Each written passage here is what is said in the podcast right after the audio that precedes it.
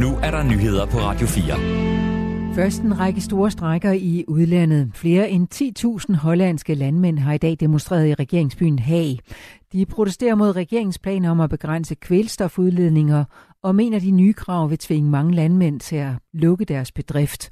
Der er ikke noget kvælstofproblem, og ingen landmænd, ingen fødevarer, lød teksten på nogle af de bannere, som landmændene havde med til demonstrationen, skriver DR. Der er regionalvalg i Holland på onsdag.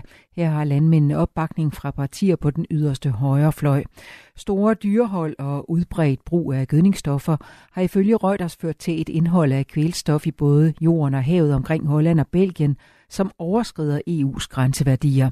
Men grupper, der repræsenterer landbruget, mener, at problemerne bliver overdrevet og betegner løsninger som uretfærdige og ineffektive. 100.000 vis af franskmænd har i dag protesteret mod præsident Emmanuel Macrons planer om at hæve pensionsalderen fra 62 til 64 år. Det franske fagforbund CGT vurderer, at over en million mennesker deltog i de i alt 230 demonstrationer rundt om i landet i dag, heraf 300.000 i Paris. Frankrigs indrigsministerium mener dog, der var 368.000 mennesker til demonstrationerne, heraf 48.000 i hovedstaden, skriver avisen Le Monde.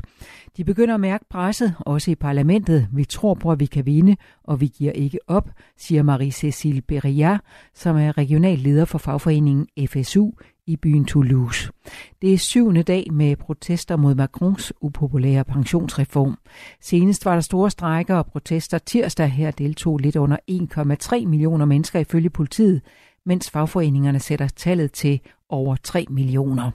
Præsident Emmanuel Macron har to gange i ugens løb afvist fagforeningers ønske om at holde et møde. De håber, at han kan overbevises om at trække forslaget tilbage i sin nuværende form. Afvisningen har gjort fagforeningerne meget vrede, siger Philip Martinet, der er chef for den stærkt venstreorienterede fagforening CGT. Når der er millioner af mennesker i gaderne, når der er strækker og vi ikke får andet end tavshed fra den anden side, begynder folk at spørge sig selv, hvad de mere skal gøre for at blive hørt, siger Martinet. Han mener, at spørgsmålet om at hæve pensionsalderen med to år skal til folkeafstemning. Flystrækker i Tyskland kan give danske passagerer problemer på mandag. Der er varslet strækker i Nordtyskland i Berlin og Hamburg, og også Bremen og Hannover. Det er fagforeningen Verdi, der har varslet strække blandt de ansatte i sikkerhedskontrollen.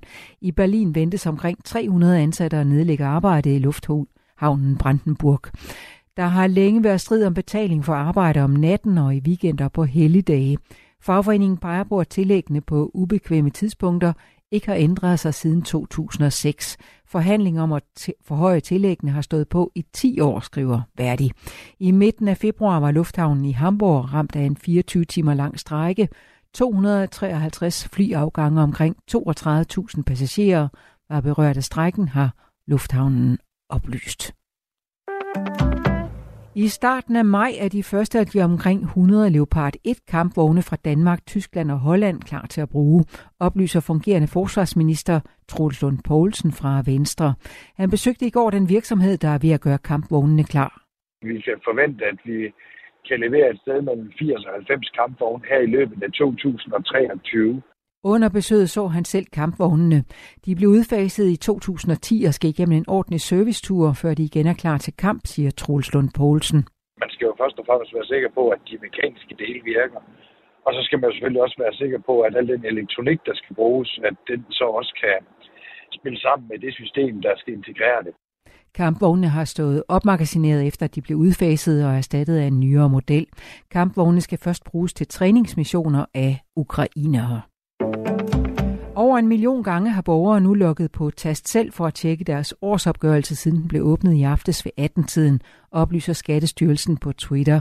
Næsten 1,2 millioner har lukket på frem til kl. 15 i eftermiddag, og der er lavet næsten 300.000 ændringer i årsopgørelser. Fristen for at rette er den 1. maj. Hvis man er en af de heldige, som får penge tilbage, så kommer pengene i de fleste tilfælde i midten af april. I nat der får vi stadig snebyer i den østlige del, ellers bliver det klart vejr mellem frysepunktet og 5 graders frost. Let til frisk vind fra vest og nordvest, der aftager og bliver svag til jævn. I morgen først en del sol, men i løbet af dagen kommer der flere skyer fra vest med sne eller slud mellem 1 og 5 grader. Det var nyhederne med Susanne Digmar. Rigtig god aften.